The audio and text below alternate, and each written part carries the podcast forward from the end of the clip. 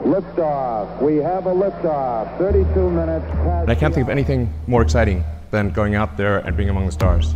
That's why. Efter solen og jorden og de andre planeter blev til, er der ikke meget tilbage i solsystemet, som kan fortælle os om, hvordan det alt sammen blev skabt.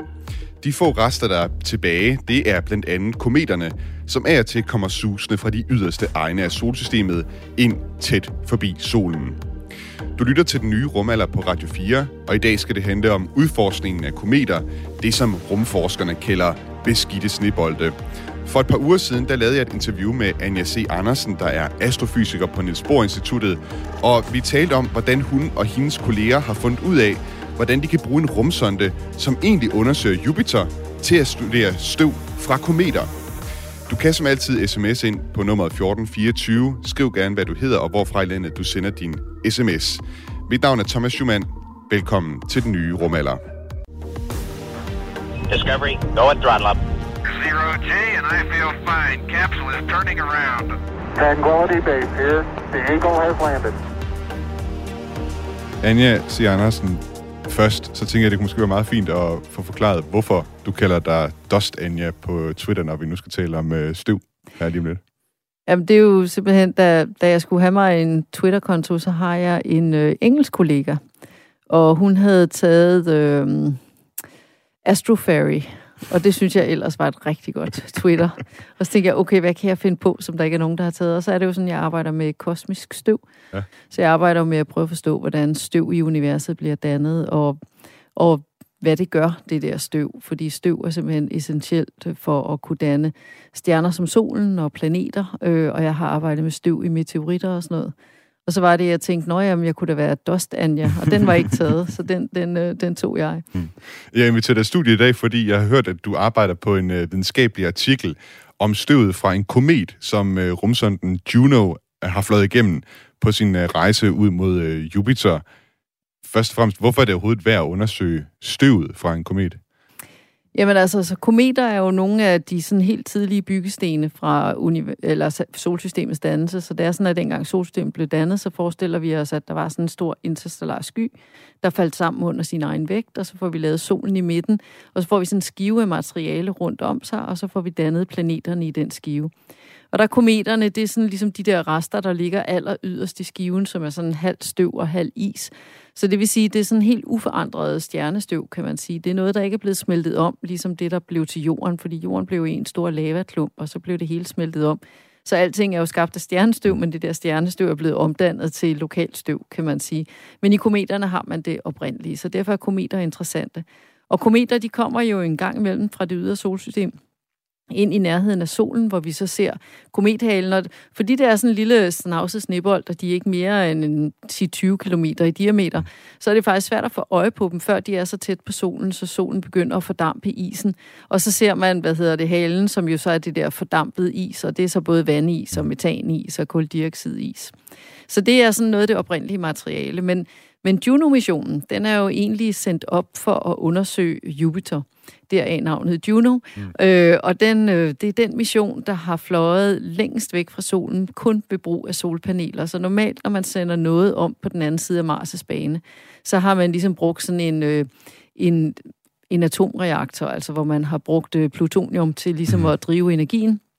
Men nu har man ikke så meget af det tilbage, så man har ligesom tænkt om, okay, hvor langt kan vi egentlig komme ud med, med solplaneter? Så, så ideen med Juno, det var egentlig at, dels at finde ud af, kan man overhovedet have en sonde, der kan operere så langt væk fra solen, fordi der er solindstrålingen altså ret lille, så derfor de der solpaneler skal være super effektive. Og, og store. det andet, og store, ja. og man vil gerne undersøge øh, Jupiters øh, øverste atmosfærelag og Jupiters magnetfelt for at prøve at forstå lidt bedre de her gasplaneter, fordi det er jo sådan, at vi har jo de indre klippeplaneter, og så har vi de ydre gasplaneter. Og der går vi jo meget sådan at diskutere, er det sådan så, at inde i de store gaskæmper, altså Jupiter, Saturn, Uranus og Neptun, at der ligger en fast kerne, mm. altså ligesom jorden, så alle planeter måske er lige store, nogle har bare mere atmosfære end andre. Er det det, vi skal prøve at forstå? Eller er det sådan, at gaskæmperne er helt anderledes end, end de jordiske? Og man kan jo ikke tage et røntgenbillede, men det man kan gøre, det er, at man kan måle planeternes, gasplaneternes magnetfelt, og så kan vi lave nogle computerberegninger, hvor vi siger, at hvis et magnetfelt bliver drevet af sådan en fast indre klippekerne, så vil det tage sig ud på en måde, og hvis det bliver drevet af gasser, der bevæger sig øh, rundt mellem hinanden, så vil det tage sig ud på en anden måde. Det er egentlig det, Juno blev sat i verden ja. til at undersøge. Så er det sådan, at fordi den har de der kæmpe store solpaneler, så man skal forestille sig noget, der ligner sådan en gigantisk øh, vindmølle i virkeligheden, der flyver ud gennem solsystemet, så øh, viste sig, at, øh, at den faktisk fungerede som sådan en sommerfuglenet, der opfangede øh, støvkorn okay. ja. på, på solpanelerne. Og de der støvkorn, de bonkede jo ind i solpanelerne, og det var dem, der skulle, skulle se, om solpanelerne virkede ikke særligt glade for, mm-hmm. fordi man var jo bekymret for, om det, det skadede, hvad skal man sige, deres effektivitet, mm-hmm. og hvor meget det ville skade effektiviteten, inden de nåede ud til Juno. Øh, og måden, man kunne se det på, det var faktisk ved brug af det, man kalder stjernekameraer, altså sådan nogle små navigationskameraer, som egentlig kiggede ud på stjernehimlen, men samtidig også en gang imellem fik øje på, hvad hedder det, solpanelerne. Og så kunne man simpelthen se, at der ramte noget ind i solpanelerne, som gav sådan noget, som slog små dele af solpanelerne ja. af. Og så... Øhm, lyste det simpelthen op, eller hvad? Ja, det lyste op. Så okay. man fik simpelthen, at, øh, at, at der var en lidt... Der kom sådan en lille sådan, uh, impact. Ja. Så man kunne egentlig ikke se støvet, men man kunne se effekten okay. øh, af støvet. Og så var det, at en dag så ringede John Leif Jørgensen til mig ude fra DTU, og sagde Anja, øh, vi har et kæmpe problem med Junos solpaneler, men jeg tror, at du vil synes, det er virkelig interessant. øhm, fordi så begyndte de at analysere de, de data, de havde, og så viser sig, at øh, uden at der var nogen, der havde planlagt det, og uden at der var nogen, der drømte om det, og der bestemt ikke var nogen, der ønskede det, så havde man faktisk for første gang lavet en direkte måling af støv fra jordens bane og ud til Jupiter. Ja. Altså simpelthen fordi, at man jo pludselig havde data på, hvad der var stødt ind i solpanelerne. Og det, som var mest overraskende, det var, at man, øh, man fangede rigtig meget støv med de der solpaneler ud til asteroidebæltet, og når man så fløj igennem asteroidebæltet, så var der ikke noget støv, og så på den anden side, så var der støvet igen. Mm-hmm. Og det passede slet ikke med, altså hvis du bare havde vækket mig om natten og sagt, Anja, hvordan ligger støvet fordelt i Mælkevejen, eller nej, i solsystemet, mm-hmm. undskyld, så vil jeg have sagt, når jamen, det meste af støvet, vi ser i solsystemet, det som man kalder zodiakallyset, som man kan se øh, nogle gange sådan en, en mørk aften, øh, som er det støv, der ligger sådan i solsystemets plan, mm-hmm. og som man øh, har brugt øh, mange år på at prøve at forstå, hvor kommer det der støv fra, fordi det er sådan, at når man har støv i solsystemets plan, så øh, bevæger det sig ind mod solen. Altså, så, så der er ligesom sådan hele tiden en fortyndning af, at det, det, det ryger ind mm. i solen. Så hvis du har det stadigvæk her 4,5 milliarder år efter solsystemets dannelse, så må det være, fordi det, det bliver dannet et sted. Der er en produktion af støv et sted fra. Og der er blandt andet Brian May, gitarristen fra Queens, han okay. har skrevet øh, phd afhandling om, hvor det her støv kommer fra, og lavet observationer tilbage i 70'erne. Ja. Og, øh, og, og, og sagt, at jamen, støvet må simpelthen komme fra asteroidebæltet. Det må være, at asteroiderne ligger jo mellem Mars og Jupiter, og alle de her klippesten, de støder jo ind i hinanden, og så pulveriserer det jo lidt, når de slår små stykker af, og det ved vi, de gør, fordi vi modtager meteoritter på, på jorden, og så er det klart, så støver det jo lidt. Så vi forestiller os, der er sådan noget støv der i bæltet. Men det var der så ikke, da vi målte. Det var ja. faktisk det, det, var det reneste sted i hele solsystemet okay. mellem Jorden og Jupiter. Det var, da vi fløj igennem asteroidebæltet. Ja. Ikke? Så først så tænkte vi, okay, det var virkelig, virkelig mærkeligt. Og så er det altid sådan i forskning, at man får et overraskende resultat, og så tænker over det bagefter, så tænker man, gud, jamen det burde vi jo have indset. Fordi det, der jo også sker i asteroidebæltet, det er, det er rigtigt nok, at asteroiderne støder sammen. Og det er jo rigtigt nok, at så støver det.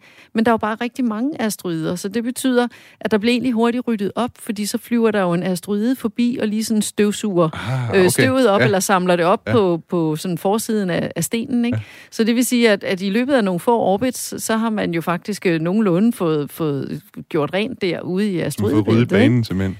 Øhm, ja. Og så kan man jo så sige, okay, kunne det så ikke stadigvæk være det støv, der så kommer ind, øh, og, og som vi så senere rammer jorden, og, og som vi ser som det der zodiakal lys. Men det, som vores målinger indikerede, det var simpelthen, at det vi kunne se, det var, der hvor det støvede allermest, det var hver gang vi passerede igennem Mars' bane. Mm-hmm. Så vi skrev så en artikel, hvor vi sagde, at øh, vi mener faktisk i virkeligheden, at det der zodiakallys, det er et resultat af støvstorme på Mars. Ja. Af den der lille ørkenplanet, ikke, som har en meget tynd atmosfære og mindre tyngdekraft end Jorden. Der bliver det der meget fine støv simpelthen løftet op i de øverste atmosfærelag, og den har ikke noget magnetfelt, så solindstrålingen kan komme ret tæt på atmosfæren, og så blæser det der støv af. Mm-hmm. Sådan så, at, øh, at, at vores artikel foreslår så, at man ligesom har sådan Altså sådan en, en, en lille støvklump, der så trækker sådan en hale rundt, kan man sige, sådan så at det der zodiakallys i virkeligheden er meget støv. I virkeligheden det er ligesom kometerne? Lidt ligesom kometerne, ja. bare på en meget mindre okay. skala, ja. kan man sige. Ikke? Og, øhm, og, og det satte der i hvert fald gang i nogle diskussioner, skulle jeg hilse at sige, ja. der hvor vi, vores artikel kom ud, fordi det var jo helt i modstrid med, hvad folk ellers var blevet enige om de foregående 30 år, øh, Brian May inklusiv, om at det kom fra astryderne, og så kommer vi og siger, at astryderne, de gør faktisk ingen sommer, fordi det fejrer de selv op igen, så, så det ser vi ikke. Det, det, der er, det er det, der kommer fra Mars. I lagde simpelthen ud med Queens guitarist. Det gjorde vi nemlig, og, og en hel del andre hans vejledere og, og andre øh, godt folk, ikke? Ja. Øh, men, men det er stadig kom jo, fordi sådan er det jo i forskning, at vi er jo ikke altid enige, og det er jo faktisk det, som så driver tingene frem, fordi nu er der jo rigtig mange, der mener, det er simpelthen den dum, det dummeste forslag, de nogensinde har hørt, det er vores mm. artikel. Altså sjældent har de oplevet noget så tåbeligt. men så bliver de jo nødt til at vise, at vi er tåber. Altså de bliver simpelthen nødt til at modbevise os, de bliver nødt til at vise, at vi har taget fejl. Øh, og hvis de ikke kan det, så, så må det jo ligesom stå til trone. Ikke? Mm-hmm. Og der er ikke nogen andre end os, der har haft en, en rummission, som har fløjet hele vejen fra jorden ud til Jupiter og lavet de her målinger. Mm. Altså, men det betyder jo så, at næste gang der kommer en mission, som skal flyve fra jorden ud til, til Jupiter eller længere ud, så kommer man til at sørge for at sætte sådan nogle små støvmåler på. Mm. Fordi nu var det jo et tilfælde, vi målte, og vi diskuterer rigtig meget, hvad er det så, vi har målt, og kan vi være sikre på det, fordi det, der var faktisk mere støv, end nogen havde regnet med på vej derude, og NASA er super interesseret, fordi den der fordeling af støvkorn, vi har, er også, at der er flere store støvkorn, mm. end nogen havde regnet med. Og sådan et, et lille støvkorn, altså, som bevæger sig med 20.000 øh, km i timen, ikke? det gør jo bare ondt, ja. når man bliver ramt af det som solpanel. Og det vil sige, det er faktisk ret vigtigt for fremtidige missioner at mm. få styr på, har vi, er, er vores artikel, øh, har den ret? Har vi fat i noget? Eller er det, er det helt, øh, har vi bare misforstået det, eller, eller hvad? Fordi hvis vi har fat i noget, så er det faktisk noget, man skal, man skal, man skal tage seriøst, hvis man skal rejse længere ud. Ikke? Så på den måde har det været sjovt at skrive den, og nu sådan er det jo i forskning. Vi kan godt sidde og diskutere, men den eneste måde, vi kan blive klogere på, det er jo ved at få nogle flere data. Mm-hmm. Så, så, så den næste mission, der kommer ud, jamen den vil jo så have nogle lidt mere dedikerede støvmåleinstrumenter, mm. sådan så vi ikke behøver at sidde og diskutere, er vi nu sikre på, at det var støv, og var det noget andet, og hvad det, hvilken størrelse fordeling har støvet, fordi så måler vi det direkte frem for det her lidt indirekte med, at nogle solpaneler målte det, uden vi havde planlagt det, så det er jo ikke sådan super optimalt mm. øh, eksperiment, samtidig med, at jeg synes, det er helt vildt sjovt, og helt vildt sådan forskning, når det er allersjovest, mm. det der med, det var ikke noget, vi planlagde det var bare noget, der skete, fordi vi var slet vi kunne ikke have planlagt det, fordi at, at, at vi var slet ikke klar over, at det var der.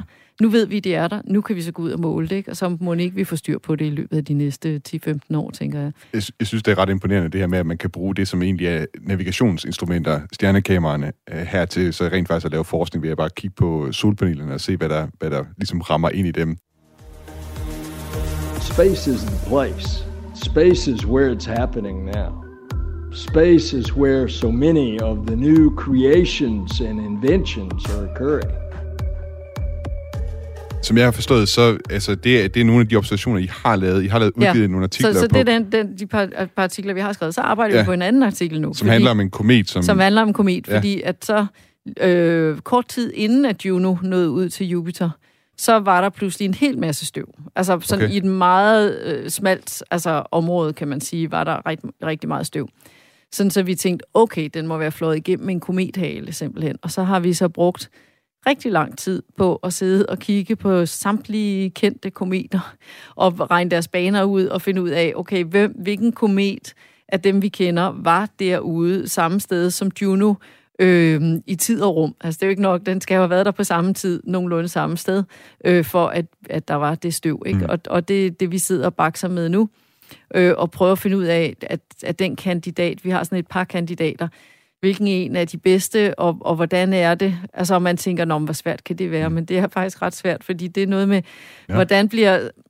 Fordi når vi er helt ude ved Jupiter, så, så ved vi meget lidt om, hvordan sådan en komethale udvikler sig. Så, så nu tættere den kommer på solen, nu mere komethale får man. Men ude ved Jupiter er der ikke så meget solindstråling. Og det er sjældent, vi ser kometerne helt derude. Vi lægger først mærke til dem, når de er tættere på. Så næsten alle observationer, vi har, de er ligesom, når vi er Mars' bane mm. og, og længere indad. Så derfor bliver det sådan lidt øh, teoretisk modelberegning, hvor vi så siger, at så må halen er sådan her, og, og hvis solindstrålingen er sådan, og den bevæger sig i den her retning med den her hastighed, og da de her kometer har sådan nogle meget ellipseformede baner, så har de heller ikke konstant hastighed og sådan noget. Ikke? Så, så man skal sådan lige holde tungen ret meget lige i munden, okay. når man laver de der beregninger. Men nu tror vi, at, øh, at vi har fat i en, og nu sidder vi så og øhm, gøre det, som man altid skal gøre som forsker, det er, at vi prøver at falsificere vores egen idé. Altså Ja. vi prøver at se, kan vi modbevise noget som helst i vores øh, antagelser? Altså kan vi simpelthen ved at antage noget andet få et lige så godt fedt? Kan vi gøre nogle forskellige ting? Fordi det er faktisk en vigtig del af forskningsprocessen, det er, at man skal selv først prøve at modbevise det, man har fundet ud af. Og når, hvis man så ikke kan det, så kan man våge pelsen og fortælle sine kollegaer om det, som så kan prøve at modbevise ind. Mm.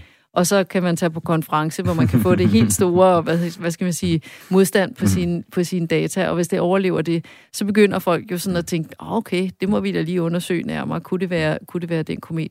Og hvis vi har ret, så er det også enormt interessant, fordi Ja. ja. at vi har jo haft G. Otto-sonden tilbage i 1986, som man jo netop sendte op for at flyve igennem Hallis komet øh, hale. Mm-hmm. Øh, men ellers har man jo ikke rigtig haft noget, der har fløjet igennem. Så, så igen vil det jo ligesom blive, det er ikke en øh, optimal måling, fordi der var ikke noget udstyret, der ligesom var designet eller givet til, at det var det, det skulle gøre. Man kan bare se, Men- at I ramt ind i men- solpanelerne. Ja, Ja. ja. Men, men vi har dog en måling, og vi har en måling af nogle størrelsefordelinger på støvkorn, hvor, men vi bliver nødt til at gøre en, også en masse antagelser af, hvad det er, vi mener, vi ser. Ikke? Og der, der vil det jo være meget mere optimalt næste gang, og så sige, okay, måske skal man altid have sådan en lille dustbuster-agtig med på sonder, når de flyver ud. Fordi det er klart, vi måler ikke noget støv, hvis vi ikke kigger efter det, men hvis vi sætter noget på, der kigger efter det, så kan det jo godt være, at øh, vi rent faktisk vil måle det. Det virker som en meget god idé til noget, som noget standardudstyr til, til enhver rumsonde, ikke? Så den altid i Jo, hvert fald har det. altså problemet er jo, at der er rigtig, rigtig mange sjove ting, man kan måle, øh, og man kan hænge rigtig, rigtig mange ting på alle mulige rumsonder,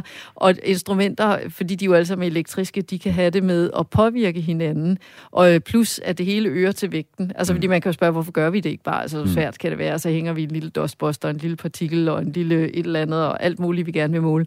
Men det er simpelthen fordi, at, at man skal virkelig tænke sig om, fordi det er jo altid enormt sjovt at hænge rigtig, rigtig meget pynt på juletræet. Mm. Men det er jo ikke altid, at juletræet bliver pænere ved at blive overpyntet, mm. og det er heller ikke, at sådan en rummission nødvendigvis bliver bedre af, at man prøver at måle 10 forskellige ting, fordi det kræver jo mere strøm. Mm. Så det vil sige, at der er simpelthen et strømregnskab, der skal gøres op, så hvis nogen skal have mere strøm, hvem skal så have mindre strøm? Og hvis hovedmissionen er noget andet, så, så kan det jo godt være, at man ikke har lyst til at bruge al strømmen på, at jeg bare sidder der som sådan en lille... Jamen, jeg synes, at det vil være sjovt bestøvet, at de andre tænker, ja, jamen, vi kom faktisk fra magnetfeltet, ikke? og vi har ja. fået penge til at bygge til magnetfeltet. Så du kan jo ikke stjæle al strømmen til dit åndssvage støv, når vi gerne vil kigge på magnetfeltet. Ikke? Så, så der er jo en masse, hvad skal man sige, ting, der skal tages højde for. Ikke? Men Men det vil sige, med, med den her undersøgelse, altså i, det, det er et tilfælde, at I ser, at der er lige pludselig en, øh, en del støv her i et meget, meget kort område, hvor at, øh, Juno ligesom suser igennem. Mm. Men I kan, altså, det, er nogle, det er nogle kvalificerede gæt, I har på, hvad det er for en komet, øh, det støv, det, det stammer fra. I kan Ja. vel egentlig aldrig være helt fuldstændig sikre på. nej, vi kan jo aldrig være helt sikre, for det kunne jo være en komet, som, ja. som vi ikke har kender. Altså, Ja. som vi ikke har banen på. Ikke? Så vi har jo ligesom måttet tage udgangspunkt i de der over 4.000 kometer, som, som vi ved har baner derude, der når øh, omkring solen og ude omkring Jupiter. Ikke? Mm. Og så det, altså, de første mange tusind var det ret hurtigt at bare sortere fra, fordi de var simpelthen så langt væk, som man ligesom tænkte, det, det kan overhovedet ikke være dem. Og så var der sådan øh, lidt over 100 tilbage, som faktisk alle sammen var ude i området øh, på, på det rigtige tidspunkt. Og så er det, det bliver spændende, fordi så er det jo sådan et tredimensionelt problem. Altså, så de skal jo, de skal jo øh, både være, altså, der er i højden og bredden, eller hvad man skal sige. Det, det, oh, ja. Altså, fordi de kan jo også flyve over og Ja. under, ikke? Øh, og, så- og så øh, kan det godt være, at de har været i nærheden, men, men, men halen vil bare aldrig komme i nærheden af Junos bane. Altså, så, så, øh, så, så altså, det, øh, det tager noget tid, fordi at det er faktisk ikke nemt at regne ud. Okay. Du, du nævnte selv tidligere, at øh, kometer, de bliver også øh, omtalt som snavsede snebolde. Øh, hvad skal man ligge i den beskrivelse? Hvorfor er det, at man bruger den beskrivelse om kometer? Jamen det er jo fordi, hvor jorden jo er det rene sten, kan man sige, og gasplaneterne er det rene gas, mm.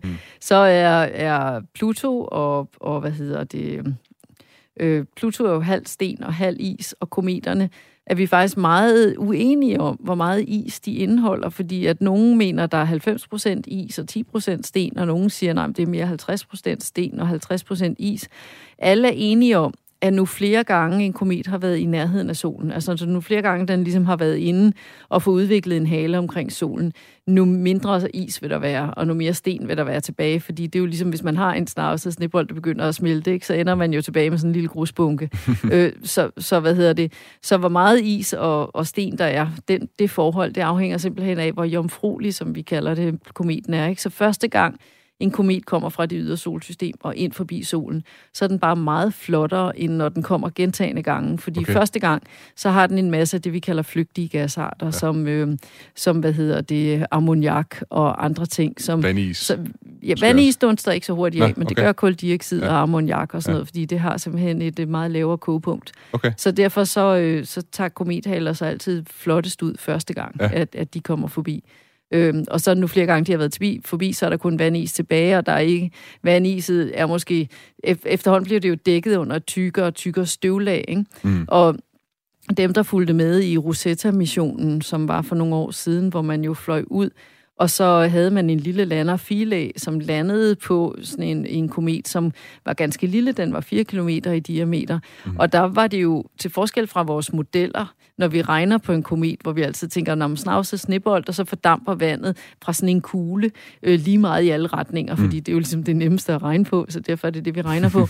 så viste det sig jo, at, øh, at det var mere sådan noget gejseragtigt. Altså var der ligesom sådan et område, hvor der nærmest stod sådan springvand øh, ud af, af is, og så var der nogle sorte områder, hvor der ikke skete noget, og kometen var sådan leopardformet, der, der ligesom sendte sådan forskellige sådan gejser ud i, i Og sådan forskellige lidt klumpet, retninger. kan jeg huske, billederne af selve kometen. Ja, den lignede jo slet ikke det, jeg havde troet, Nej. den skulle ligne. Jeg havde troet, den skulle ligne sådan lidt sådan en isterning, der havde ligget lidt øh, stykke tid i en drink, ikke? Og var blevet sådan pænt øh, rund.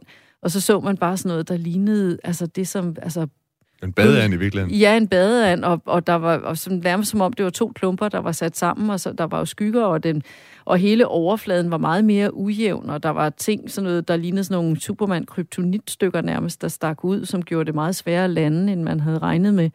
Altså, så den så helt anderledes ud, end, øh, end jeg ville have, have sagt til dig, hvis jeg ikke havde set billederne. Altså, det, hvis jeg ikke havde set billederne, så ville, og du havde kommet og sagt, jeg tror, en komedie ser sådan ud, så ville jeg tænke, ja, ja, du ved, det er ikke sikkert, du består eksamen den her uge, men øh, du kan da prøve igen. For at lige vende tilbage til jeres øh, artikel. Øh, så vidt jeg ved, den er I stadig, er I stadig i gang med artiklen. Hvad er status på, på Ja, vi har, ikke, vi har ikke submittet den endnu, Nej, okay. så vi er ved at være ret langt. Altså, så vi er der, hvor vi er blevet enige om, der skal være fem figurer. Vi ved, hvad, figurerne, ja. hvad der skal være på figurerne. Vi har øh, læst de artikler, vi mener, vi skal læse. Vi er enige om, om fortolkningerne sådan 90 procent af vejen og sådan noget. Ikke? Så vi er, den bliver jo formentlig submittet, tænker jeg, her hen over sommeren. Altså, det er jo en altså forskning er en lidt langsomlig proces, fordi det er vigtigt, at vi er så grundige. Mm. Altså fordi vi bliver ligesom nødt til at være helt sikre på, at vi har overbevist os selv om, der er ikke nogen anden måde at tolke de her data på. Og først når vi er der, mm. slipper vi dem ligesom løs mm. til, at andre så kan pege fingre af dem og sige, nej, men I glemte jo at tage højde for, hvad, hvad vi nu kunne have, have glemt at tage højde for, som kunne ændre resultatet eller fortolkningen. Og, og hvad er det helt store takeaway fra artiklen? Er det simpelthen, at I, I, I argumenterer for, at det er en komet, øh, altså kometstøv, I fløjet igennem her? Ja, altså så, så kan man sige, det er jo dels det, at det er første gang, man har fløjet igennem, men også, altså hvis de nuværende beregninger, vi har, er rigtige, så tyder det, at stør, størrelsesfordelingen af støv, støvet i støvhalen mm-hmm. er anderledes end det, som man normalt sætter ind i sine teoretiske okay. modeller. Ja. Ikke? Fordi det er sådan, at vi jo ikke har lavet målingen før, så er det jo sådan i forskning, at når man så skal regne på det, så må man jo lave det bedst kvalificerede gæt, man Ja. kan, ud fra hvordan man tror, at naturen er. Ikke?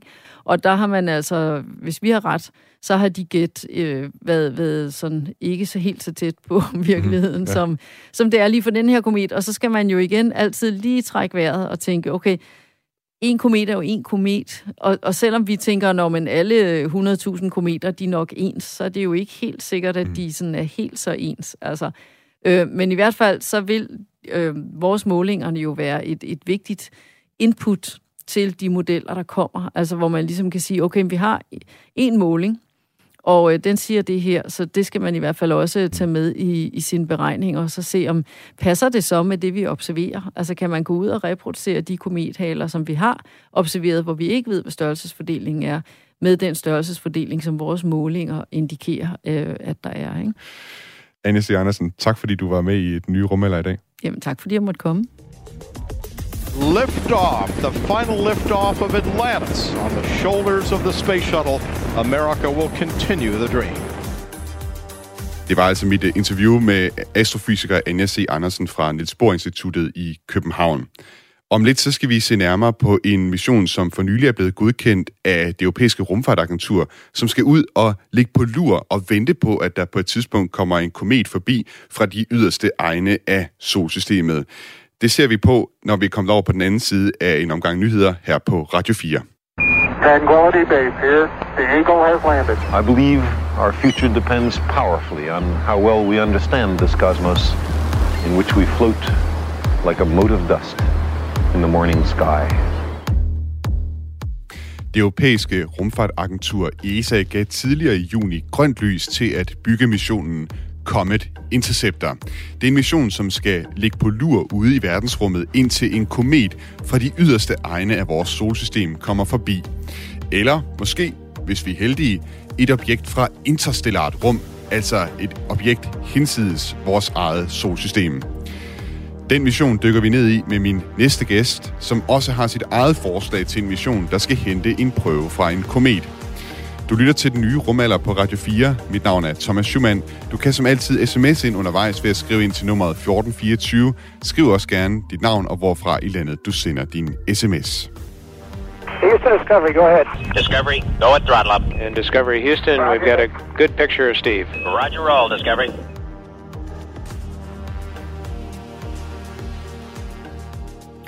Og vi har faktisk fået en øh, uh, sms uh, øh, fra vores lytter Helle, der skriver ind, den nye rumalder, kometer. Jeg og min familie så den fantastiske, helt tydelige komet med tre haler. Den med det japanske navn på den klare nordvestlige skumringshimmel i august cirka 1996, hvor vi fra aften til aften så, at kometen havde flyttet sig et pænt stykke på himlen. Hvorfor havde kometen tre haler? Det var altså Helle, der skrev ind med det spørgsmål, og det tænker jeg, at min næste gæst kan svare på. Martin Bizzardo, velkommen til den nye rumalder. Tak. Helt kort, så er du øh, professor og direktør på Center for Star and Planet Formation på Københavns Universitet, og til dagligt der forsker du i, hvordan det tidlige solsystem så ud, og derfor så har du også en interesse for kometer og asteroider i din øh, forskning. Vi havde det her spørgsmål fra vores øh, lytter Helle, som havde spørgsmålet om, øh, hvorfor den komet, hun så på himlen i 96, havde tre haler. Kan du øh, svare ind på det? Ja, jeg kan uddybe lidt mere, men øh, altså kometer på den slags aktivitet er ikke øh, mit ekspertise, men alligevel, når man siger en hale af en komet, det er faktisk øh, støv, en blanding af støv og de forskellige gasser øh, på grund af en fordampningsproces, der sker, når en komet kommer øh, tæt på, på solen og øh, begynder at være, at være lidt mere varm. Og så er det en fordampning af de forskellige slags is, øh, som befinder sig i kometen. Og øh, som folk øh, måske kan høre, så øh, arbejder du godt nok på Københavns Universitet, men du kommer altså oprindeligt fra Canada, øh, så du kan godt øh, noget dansk, men du er mest tryg ved at tale engelsk. Vi prøver sådan at se, hvor, hvordan det går med, med dansk og engelsk, og hvis øh, du øh, føler, at det går bedre på engelsk, så slår du bare over på engelsk, øh, Martin. Jeg kan jo ikke huske øh, omkring det her med kometer og haler, at der er noget med sådan forskellige processer, øh, kometerne de oplever, når de kommer tæt på solen. En ting, det er, at øh, solvinden blandt andet blæser det her støv af, som ligesom ligger sig på den der sti, hvad skal man sige, om, om man vil, på den bane, som kometen den tager rundt om solen. Og så er der også noget af gassen, som bliver ioniseret, som sådan bliver blæst væk, sådan øh, direkte væk fra solen, og derfor så ser man måske de her forskellige haler. Er det, er det, er det nogenlunde rigtigt forstået? Det er rigtigt forstået. Cool. Og godt forklaret. Tak, tak skal du have. tak skal du have. Uh, det glæder mig. Uh, vi skal jo altså, Martin, tale om øh, ESA's kommende mission, Comet Interceptor, og vi skal også øh, tale om et koncept øh, for en mission til en komet, som du har arbejdet med. Men først, øh, så vi har jo talt sammen øh, for noget tid siden, og du fortalte mig faktisk en ret vild historie om noget af det forskning, du går og laver til dagligt i asteroider og kometer. Det var en historie, der handlede om, hvordan du fik en prøve fra en asteroide, som japanske forskere havde hentet hjem til jorden. Kan du prøve at genfortælle den historie? Ja, men jeg, jeg kan forklare lidt øh, også uh, omkring missionen. Den hedder Hayabusa 2, og uh, den er drevet af Japans svar til NASA, som hedder JAXA. Og målet af missionen til er at lande på en meget primitiv asteroide, samle op materiale, indsamle materiale, og så komme tilbage øh, til jorden. Og det skete det sidste år. Og øh, oprindeligt så det var besluttet, at al analyse vil foregå i Japan, men JAXA har ændret sin mening øh, altså i sidste øjeblik, og de er faktisk øh, valgt øh, for laboratorium øh, i verden for at lave nogle andre analyser. Og vi var heldige nok, at vi var blandt dem, øh, som, som fik lov til at have nogle prøver fra, fra den primitive asteroide, som hedder Ryugu. Øh, så jeg fik en besked fra JAXA, at øh, på en bestemt dag i øh, februar i år, så skulle jeg måle min prøve. Og, øh, og jeg ventede, og, øh, og så jeg havde øh, øh forestillet mig, at det skulle, det skulle være en, øh, en særlig transport. Uh, og så ventede hele dagen, indtil klokken var omkring 16. Og så fik jeg en sms fra PostNord, som sagde, at øh, de har prøvet at levere min pakke fra Japan på min arbejdsplads, men øh, jeg var ikke til stede. Og jeg kunne hente den i morgen, øh, øh, jeg mener dagen efter, i Føtex. Okay. Altså simpelthen så, en, en typisk PostNord, fordi altså, jeg, har, jeg, jeg var på mit arbejde hele dagen, ikke? Ja. Og, uh, og jeg ventede altså meget spændt for at få de der prøve. Men jeg skulle vente en ekstra dag og komme i Føtex og, og hente uh, de der prøve fra rummet. Så, så de har simpelthen leveret den her prøve, altså, altså asteroide støv i virkeligheden, eller asteroide grus, som den her japanske mission havde hentet hjem, den har de afleveret nede i Føtex. Ja, og så da jeg kom til Føtex, der var en gigantisk kø, altså skulle jeg vente en halv time, og de kunne ikke finde min pakke i første omgang, og lige pludselig så kunne ekspedient finde min pakke, øh, og så tog vi et billede af processen. Øh, en af mine medarbejdere var med. Øh, og så ham der ekspedienten, jeg prøvede at forklare til ham, at det var altså, prøve fra rummet, men jeg tror ikke, han troede på mig. De var helt vantro. De, de kunne ikke forestille sig, at der simpelthen var asteroidestøv i deres uh, pakkeafdeling der. Hvad er det, du som forsker nej, kan bruge nej. sådan en uh, asteroideprøve til? Men det er så... Uh, du ved, meteoritter, når de lander på jorden, de er en lille smule ændret. Uh, så det betyder, at information, vi får fra, vi, vi får fra, fra meteoritter, uh, no, nogle gange det er ikke så primitivt. Øh, men, øh, men når du lander på en asteroide og tager prøven tilbage på jorden, så, øh, så har du et, et, et meget, meget primitiv øh, prøver. Og vi kan prøve at finde ud af, for eksempel, hvad, er, hvad var det for de oprindelige ingredienser, som var til stede, da solsystemet blev dannet, og hvad var det for øh, nogle ingredienser, som, som, øh, som var til stede, da planeterne øh, blev dannet.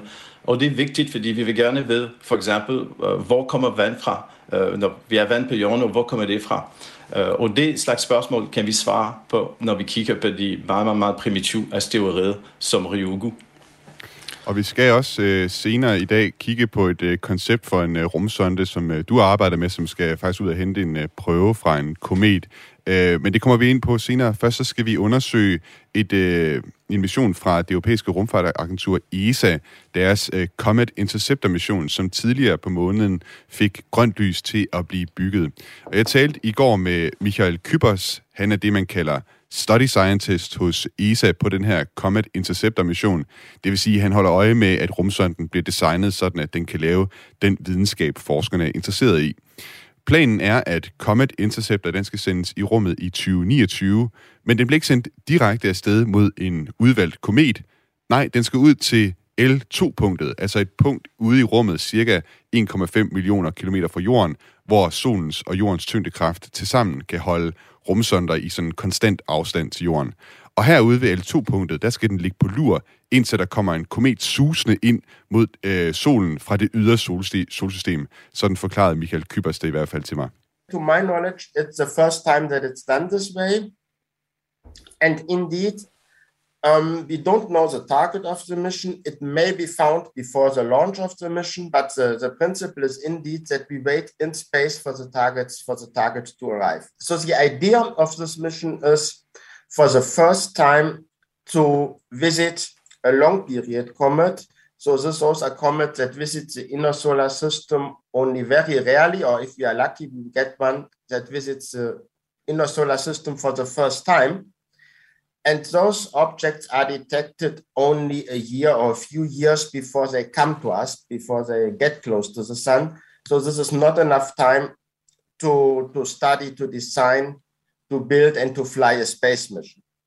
Therefore, the only way to visit such an object essentially to first build the mission and then to have it ready when the object comes in. And this is here done for the first time with Comet Interceptor. The mission will be built now, is foreseen to be launched together with ESA's Ariel missions in late 29, and then go to the so-called Lagrange point outside Earth's orbit as seen from the sun, and there to wait for the target to come in and then to fly by the target. Ja, Michael Kybers han forklarer her, at øh, det er altså første gang, at der er lavet sådan en mission, som ligesom skal ud og, og vente på øh, det objekt, øh, den, skal, den skal ud og undersøge, altså, hvor man ikke ved i forvejen, hvad det er, den skal undersøge helt præcis for et objekt. Og så skal den altså vente på en øh, komet af dem, han kalder long period kometer, altså med en lang øh, omløbstid omkring øh, solen. Øh, det skal den vente på, at, øh, at den kommer. Og så, øh, ja, den skal ligesom vente i det der L2-punkt øh, fra 2029, indtil der kommer den her komet forbi. Og øh, åbenbart, øh, det lærte jeg så ved at, at tale med Michael Kyber, så er der jo åbenbart flere slags kometer, altså dem her, der har en lang periode, øh, som han taler om i klippet her, så må jeg gå ud fra, at der også er nogen, der har en kort periode, altså en kort omløbstid omkring øh, solen. Øh, Martin Bizzarro, kan du forklare forskellen på de her såkaldte long period kometer, og så øh, de øvrige kometer, der måtte være? Ja, altså når man tænker på den, øh, det, det kometer med lange perioder, de kommer fra ortskyerne, som er meget øh, langt væk fra. Øh, det er omkring 2.000 til 200.000 astronomiske enheder. Øh, og en astronomisk enhed, det er øh, distance fra solen til, øh, til jorden. Og øh, de der øh, langperiode kometer, de kommer fra Oort-skyen, som er en slags kugle omkring solsystemet. Meget, meget primitive materialer. Mm-hmm. Um, og så har vi de kortperiode kometer, og de kommer fra Kolpebælten, Kolpebælten det er en slags bælt, ligesom asteroidbælten, men det ligger ud for øh, Neptun, og det er omkring 30 til 50 øhm, astronomiske enhed fra solen. Mm. Så det er to meget forskellige distancer. Og, øh, og hvad er spændende med de der langperiode kometer, er, at de er næsten aldrig været øh, i det indre solsystemet, så de er faktisk uandret. Øh, så når man måler deres kemiske sammensætning, sammensætning det er meget, meget oprindeligt. Mm-hmm. Og det er super spændende, synes jeg. Altså, de er, simpelthen, de er simpelthen uændret i forhold til, hvordan solsystemet var, da det blev skabt. Er det sådan, man skal forstå det? Ja, præcis. Ja. Han taler også, øh, Michael Kybers, i klippet her om, at øh, man bliver simpelthen nødt til at have missionen til at ligge på lur, fordi man kun med et års varsel kan få øje på de her long period kometer. Hvorfor er det så svært at få øje på dem? Ja, men fordi de er så langt væk fra. Øh, det er derfor, altså vi, øh, altså for, for, eksempel, for eksempel når man tænker på Ortskyen, øh, man, kan ikke, øh, man kan ikke sige den øh, faktisk. Det er bare teoretisk. Og så man siger en, øh, en lang periode komet kun det sidste øjeblik. Og så men er kun et år for at jagte den og komme igennem. Øh, så jeg synes, det er, altså på den grund, det er en meget fræk mission, øh, fordi øh, det kræver øh, altså, det kræver, at, øh, at alt øh, foregår perfekt øh, for at nå øh, den komet og, øh, og, og, og tage det der fjernmåling, som er så vigtigt. Mm. Du er selv inde på, at øh, de her kometer, der er ude i ordskyen, øh, det er sådan rester, øh, eller hvad skal man sige, de er uændrede i forhold til, hvordan øh, solsystemet så ud øh, helt tilbage fra solsystemet blev skabt. Hvad er det, vi kan lære ved at undersøge øh, den her slags kometer? Men øh, øh, igen, altså, hvis det er uændret, det betyder, at øh, alle volatile element, øh, element som fordamper nemt, for eksempel vand, øh, alt muligt slags is, øh, som, øh, som en del af kometen, så kan vi få information om, om, om, om det. Og vi kan for eksempel øh, sammenligne øh, isotop sammensætning af isen fra en komet til for eksempel uh, isotop sam, uh, sammensætning af, af vand på jorden. Og så kan vi se om for eksempel vandet uh, fra kometer faktisk er, er, er hvor er, vandet fra en komet er hvor vores vand kommer fra. Og der er også uh, en anden del er at uh, isen uh, som er i en komet uh, men uh, der, der er også uh, organisk, uh, komplekse organiske molekyler, og det er, på engelsk så kalder man det for prebiotic chemistry. Og det er vigtigt, fordi den slags øh, organisk kemi kan føre til liv. Uh, altså hvis, hvis, når vi tænker på livets oprindelse, um, det er også en vigtig del af, af, af processen, at, uh, at de der uh, prebiotic chemistry bliver afleveret til en planet. Michael øh, Kybers, altså ESA's øh, study scientist på Comet Interceptor-missionen, han øh, fortalte mig også, at øh, missionen hverken vil lande på eller gå i kredsløb om den komet, den skal undersøge. Rumsonden den flyver simpelthen forbi og laver sine undersøgelser i den korte tid, den er tættest på kometen. It will be a very fast flyby. So of course the details of the flyby depend on the still to be defined target objects, but the probe will be capable of flying by an object with a velocity between 10 kilometers per second and 70 kilometers per second. And for a long period object, indeed, the most likely range is somewhere between 14 kilometers and 70 kilometers per second. So at that approach velocity, there's no way to get into orbit or to land or so on. But Comet Interceptor will take two small probes with it that will separate from the main spacecraft uh, one or two days before closest approach, and then also fly by the um, the comet from different viewpoints. So we will get multi-point observations that observe the comet and investigate the coma from different positions at the same time. Ja, Michael Kybers, han forklarer her, hvordan øh, den her Comet Interceptor altså skal flyve forbi øh, kometen med en relativ hastighed på mellem 10 og 70 km i sekundet. Og hvis man lige skal omregne det til kilometer i timen, så 10 km i sekundet, det er 36.000 km i timen, og 70 km i sekundet, det er, nu skal jeg se på min lommeregner her, 252 km i timen. Så det er altså en pænt høj hastighed. Den er så også øh, to øh, ekstra hvad skal man sige, små øh, satellitter med, som den kan sende ud lige før den øh, flyver forbi kometen, og ved hjælp af de her tre, altså tre øh, rumsonder, bliver det så i alt, kan den lave observationer af hele kometen. Og jeg hørte også fra Michael Kybers, at den simpelthen kan lave et øh, 3D-billede af kometen. Øh, Martin Pizarro, jeg tænker, det må være svært at lave mange undersøgelser af en komet, når man suser forbi med potentielt 252 km i timen. Ja, altså, øh, men øh, vi har så vi har ikke så meget information om kometer. Vi har kun nogle få øh, fjernmålinger øh, fra forskellige kometer. Øh, så øh, selvom altså, vi, vi måske får ikke en stor del information, det er stadigvæk meget, meget vigtigt. Og selvfølgelig, hvis det er en, en komet, som, som kommer ikke fra vores eget solsystem, så er det øh, fænomenal information, vi kan få. Mm. Ja, det er, jo, det er jo så den anden ting, som er også er muligt her, at det ikke nødvendigvis bliver en øh, komet fra, fra vores øh, eget solsystem, som den kan undersøge. Det kan også være en af de her såkaldte interstellare objekter, altså en asteroide eller en komet, som kommer fra interstellart rum, altså uden for vores solsystem, som så suser igennem, ligesom øh, de objekter, der i 2017 øh, suste igennem vores solsystem, som hed Oumuamua. Jeg tænker vel... Øh, øh, Martin, at øh, hvis, øh, hvis der dukker sådan en op, så er det vel den, forskerne helst vil undersøge frem for en komet? Ja, selvfølgelig, fordi øh, vi har næsten ingen information om den slags objekter. Altså, øh, så det, er, det vil være super spændende. Altså, der er, øh, jeg tror, i 2019, altså, der er nogle artikler, som, øh, som blev publiceret omkring en, øh, en komet, en interstellar komet, som hedder Boris 1, eller Boris 2, jeg kan ikke huske. Men øh, der har nogle få målinger, øh, og, øh, og, og der, er, der, der var nogle store forskelle mellem, hvad vi kender fra kometer i vores eget solsystem.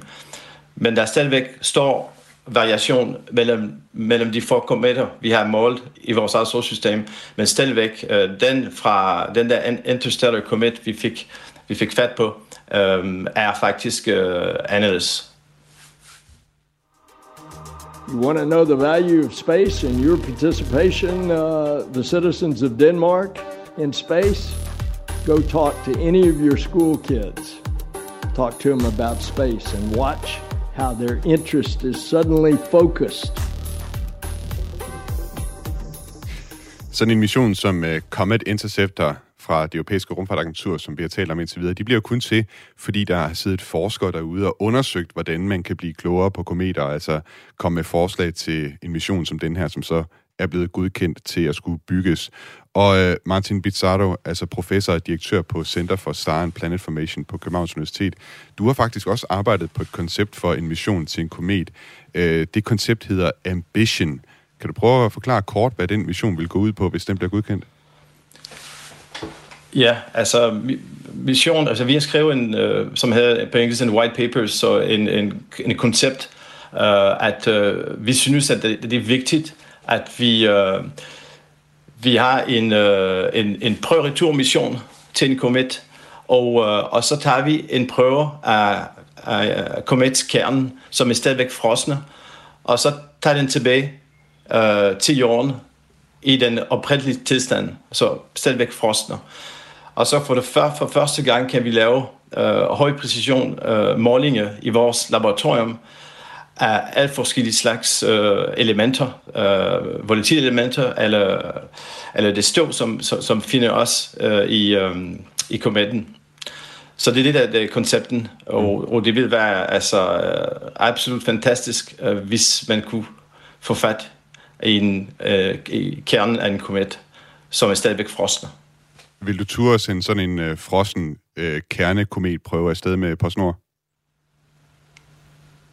Hvad? Nej. ikke, ikke efter den her øh, oplevelse, jeg har haft, nej. Okay. Der står, der står i den artikel, som I har skrevet om Ambition, og jeg læser op et uh, citat her.